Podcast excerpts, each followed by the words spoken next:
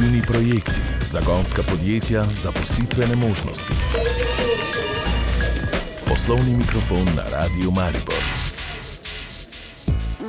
Lepo pozdravljeni. V tokratni oddaji bomo govorili o komunikaciji nadaljavo, ki je v podjetjih postala še posebej pomembna v času epidemije.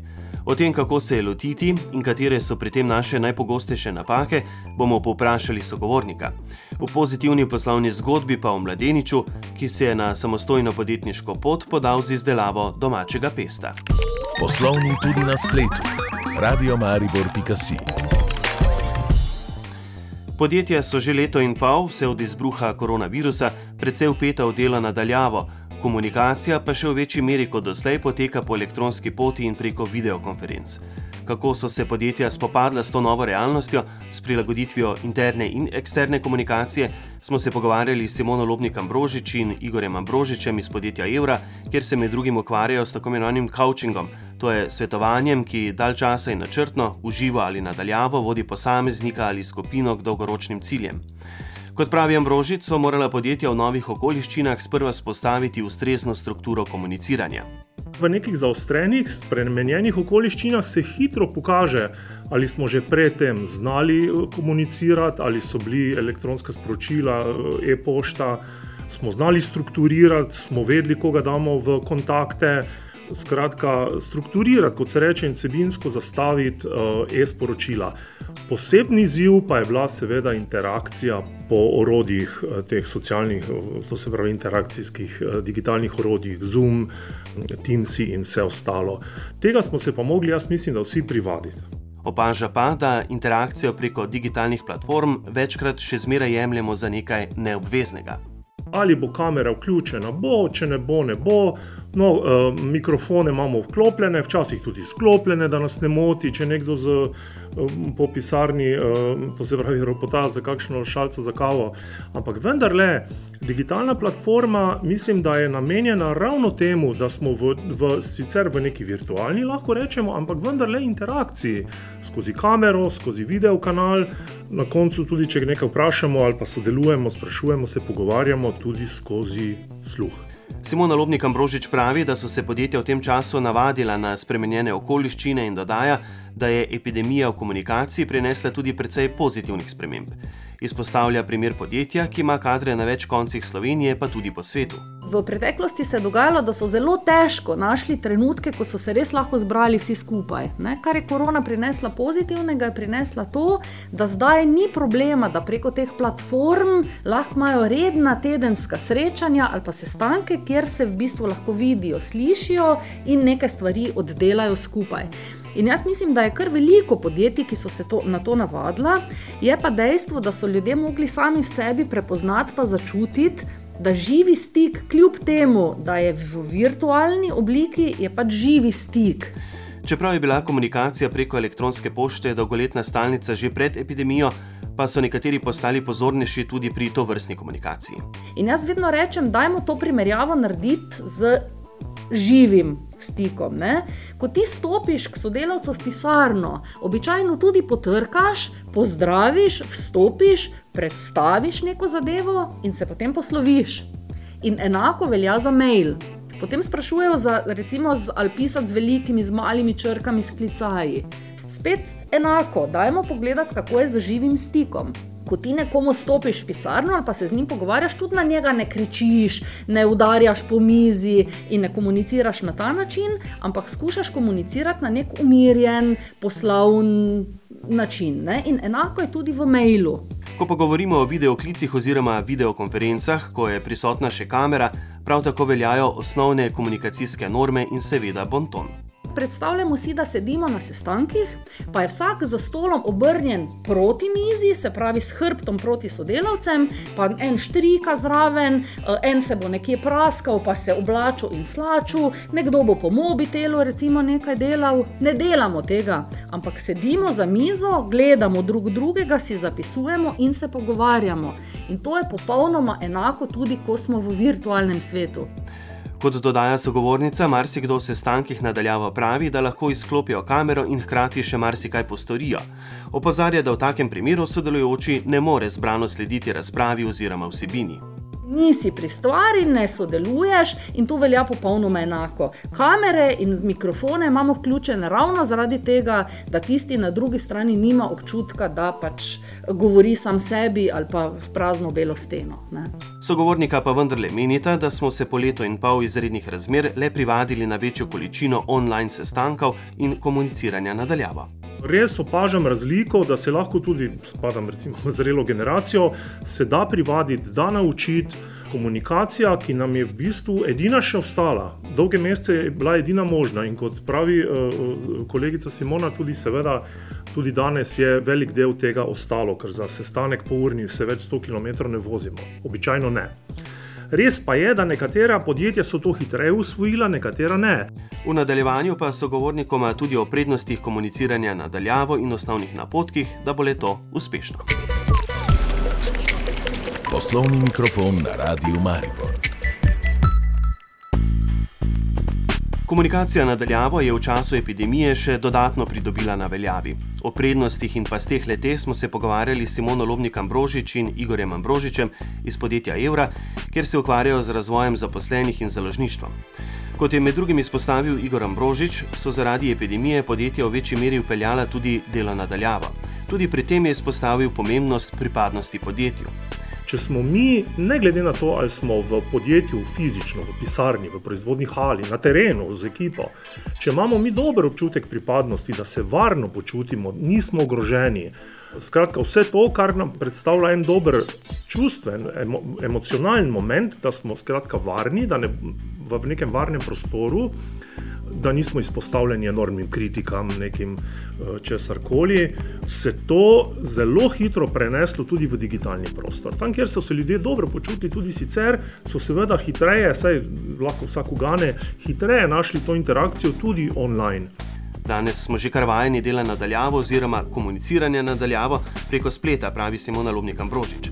Vedno več podjetij tako načrtuje to vrstni način dela, saj veliko krat to pomeni prihranek časa, prav tako ne potrebujemo skupnega prostora. Obenem pa ne dovolimo več, da se nam ljudje skrivajo na drugi strani. Se pravi, če delamo preko teh platform, želimo videti tistega na drugi strani in želimo tudi tistega na drugi strani slišati.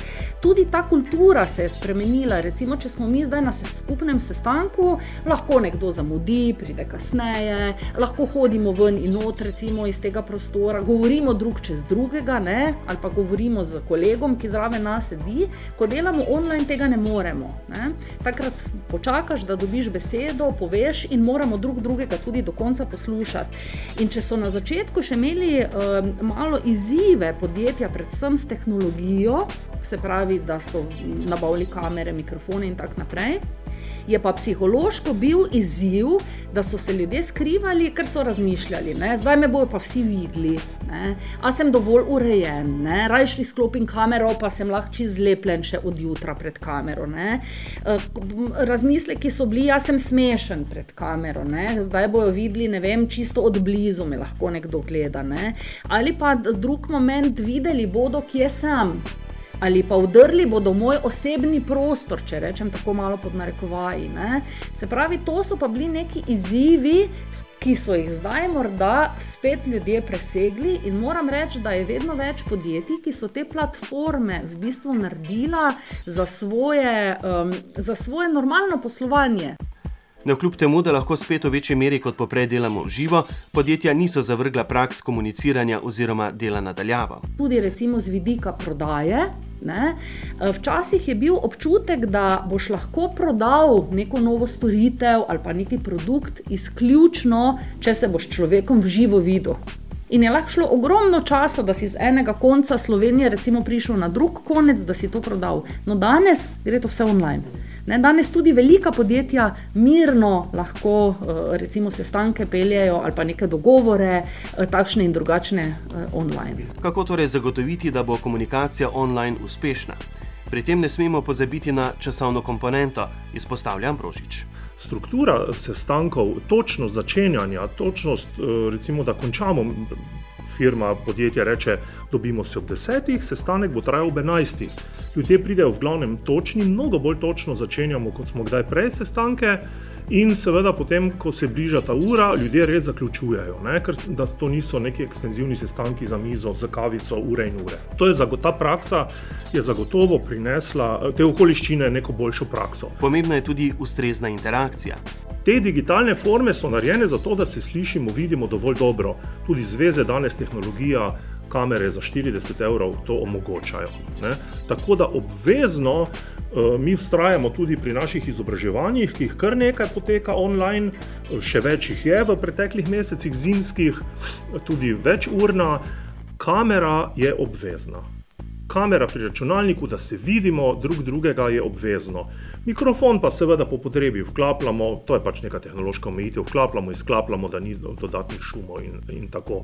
Ampak gre za to, da imamo ta občutek, da smo skupaj, to interakcijo, še enkrat, kot se reče, čim bolj verno, pristno, čeprav seveda vemo, je digitalna. Lobnik Ambrožičeva dodaja, da je bistvo komunikacije v dvosmernem procesu oziroma v odzivu osebe, s katero komuniciramo. Pri živem stiku mi preberemo sogovornika, tudi njegovo telesno držo, telesno govorico in tako naprej. Ne? In bistveno je, da pri online komunikaciji to ne umanjka, ne? da ti lahko ravno tako z obraza razbereš, uh, ali te nekdo posluša, na kak način se odziva, sodeluje, ali mu je neka stvar razumljiva, blizu se z njo strinja in tako naprej. Uh, in to je, recimo, sploh ni pomembno, na kak način komuniciraš, bistveno je, da se ta tehnologija izrabi, koliko se lahko mi vemo tudi recimo v telefonski komunikaciji, si mi znamo sogovornika predstavljati na drugi strani in iz barve glasu, iz načina komunikacije, iz načina govora, mi prepoznavamo neke informacije, črpamo. Ne? In pri online komunikaciji je to zelo ključno. Ne? Da nimaš občutka, da kot rečeno, da gledaš v belo steno ali pa v črno steno, ne? ampak da so na drugi strani ravno tako ljudje in da ta komunikacija ima svoja pravila, svoje zakonitosti, ampak poteka na enak način kot recimo živa komunikacija. Če komuniciramo samo pisno preko elektronske pošte, pa moramo biti pri tem čim bolj jasni, sporočilo pa čim bolj strukturirano. Zelo pomembno je torej, da mi za sabo preberemo, tako kot ko govorimo, skušamo razjasniti, ko imamo pa pisno komunikacijo, pa to še toliko boljše, ker ne rabimo pojasnjevati, ampak že v bistvu lahko v osnovi zapišemo tako, da bi nekdo razumel strukturirano, um, vidko, če lahko tako rečem, se pravi, da zbiramo besede, ne da pišemo na dolgo in široko eno samo črevo, en dolg stavek brez ločil. Sporočilo mora biti torej jedrnato, jasno in precizno. V zadnjem delu oddaje poslovni mikrofon pa o tem, da je lahko tudi izdelava domačega pesta odlična poslovna priložnost. Na javnem razpisu Evropski razpisi, predstavitve poklicev, pozitivne zgodbe našega okolja. Poslovni mikrofon na Radio Maribor. Pesto je začimbna omaka v obliki paste, uporablja pa se zlasti s testeninami. In prav domači pesto se je izkazal kot odlična poslovna priložnost za mladega Andreja Zemljiča. Ta je v negotovih koronskih časih vseeno odvigal in se nedavno podal v samostojne podjetniške vode, kjer se primarno ukvarja s cateringom in organizacijo dogodkov. Ja, eh, nekako sem vedno eh, pričakoval, ker imam vseeno še zraven tega neko organizacijo dogodkov, rad hodim dogodke, pa take stvari delam. In uh, ker sem vedel, da ljudje so željni, potem, ko so bili zaprti toliko mesecev, noter sem vedel, da takrat, ko bo konec tega, da bo aktualno, da imaš ti to. Čeprav je mogoče zdaj se spet zapira dol, ampak li zaradi tega pa sem potem spet dobil novo idejo in sem šel v to proizvodnjo tega pesta. 23-letnik je namreč izdelavo svojega pesta kot izučeni kuhar izpopolnjeval že več let, a sprva povsem ljubiteljsko. Aha, ok. Moj pesto je na. Eh, nastal že eh, na začetku srednje šole, mislim, da prvi ali drugi letnik, ker vem, da v, eh, sem bil v prvem letniku na potovanju po Italiji in sem tam sploh ta pesto probal. Tisti res njihov pesto v eni restavraciji in mi je res bil tak, sem bil navdušen, da sem mogel dansko kuhara, sem šel v restauracijo vprašati, kaj je to. Jedel sem pa takrat testenine s pestom. Ne? In eh, takrat mi je povedal, kaj sploh to je, ja še tega takrat sploh poznal nisem. Ne? ta pesto, ko sem ga, saj ni zdaj originalen, genoveze, tako kot sem rekel, ampak to je pesto po mojem receptu, kaj jaz mislim, da je dobro. Uh, in takrat sem ga za svojo dušo začel delati, uh, pa nasplošno za nas doma, pa za bližnje. Uh, sem ga tudi potem zamrznil, da je to nekaj časa trajalo, pa da si ga lahko imel, si ga vzel, kot je zapasal. Zdaj pa so ljudje začeli govoriti vsem, sem, uh, komu sem ga ponudil za darilo, ker si to dobra stvar. Če nekomu daš ne vem, za božič, za rojsten dan, pa take stvari, so bili zelo navdušeni. So rekli, da je to res uh, dobro, da so ga jedli na žlico kot na telo. Tako da sem jaz bil, ok, te že je nekaj na tem. Ne? In potem, ko se je odločil podati na samostojno poslovno pot, je vzniknila ideja, da bi pesto izdeloval tudi za trg. Ker vem, da je bilo med korono zelo aktualno, da so ljudje iskali te domače, da so hodili do torej tržnice, kmetije, da si šel na kmetijo, ker nisi hotel iti v trgovino. Sogovornik se je tako s partnerko, ki je dizajnirala grafično podobo novo pečene blagovne znamke Culinary by Andy in tudi sicer izdatno pomagala pri poslovni ideji, odločil poskusiti s plasiranjem baziličnega pesta na trg. Kot pravi Andrej Zemljič, stavi predvsem na domače sestavine. To je eh, z bazilike, eh, parmezana, eh, oreščkov, indijskih oreščkov, pa olivnega olja. Uh, to je vse skupaj na grobom leto, uh, pa seveda še jaz zraven, da dam česen. Uh, zaradi tega, če jaz naredim malo bolj česna, to zaradi tega, da ti ne moreš uporabljati to samo vem, za testenine, pa take stvari, ampak lahko še daš zraven v solate, za namaze. Lahko, da lahko kombiniraš pesto z več dni, kot pa samo z neko eno varianto, kot v bistvu pesto je. E, originalna ta pesto Genovese je z pinjolami. Jaz sem pa spremenil, da sem dal z naših navadnih orehov z okolice, ampak zaradi tega, ker so pa pregrenki, mogoče če dam samo navadne orehe, sem še pa dodal zraven indijske oreščke, da je res tisto prišel neki vredo okus, da ni pregrenko. Zaradi tega, ker vemo, da če imaš dobro olivno olje, je grenko. Uh, že tu se pozna to, zato sem pa še zraven mogel dodati indijske oreščke, da je tisti potem res uh, okus, da ga lahko uporabiš za vse. Domači nista le sestavini parmezan in indijski oreščki, saj Andrej Zemljič, ki je tesno rasel s podeželjem in domačimi predelovalci, stavi na lokalno hrano.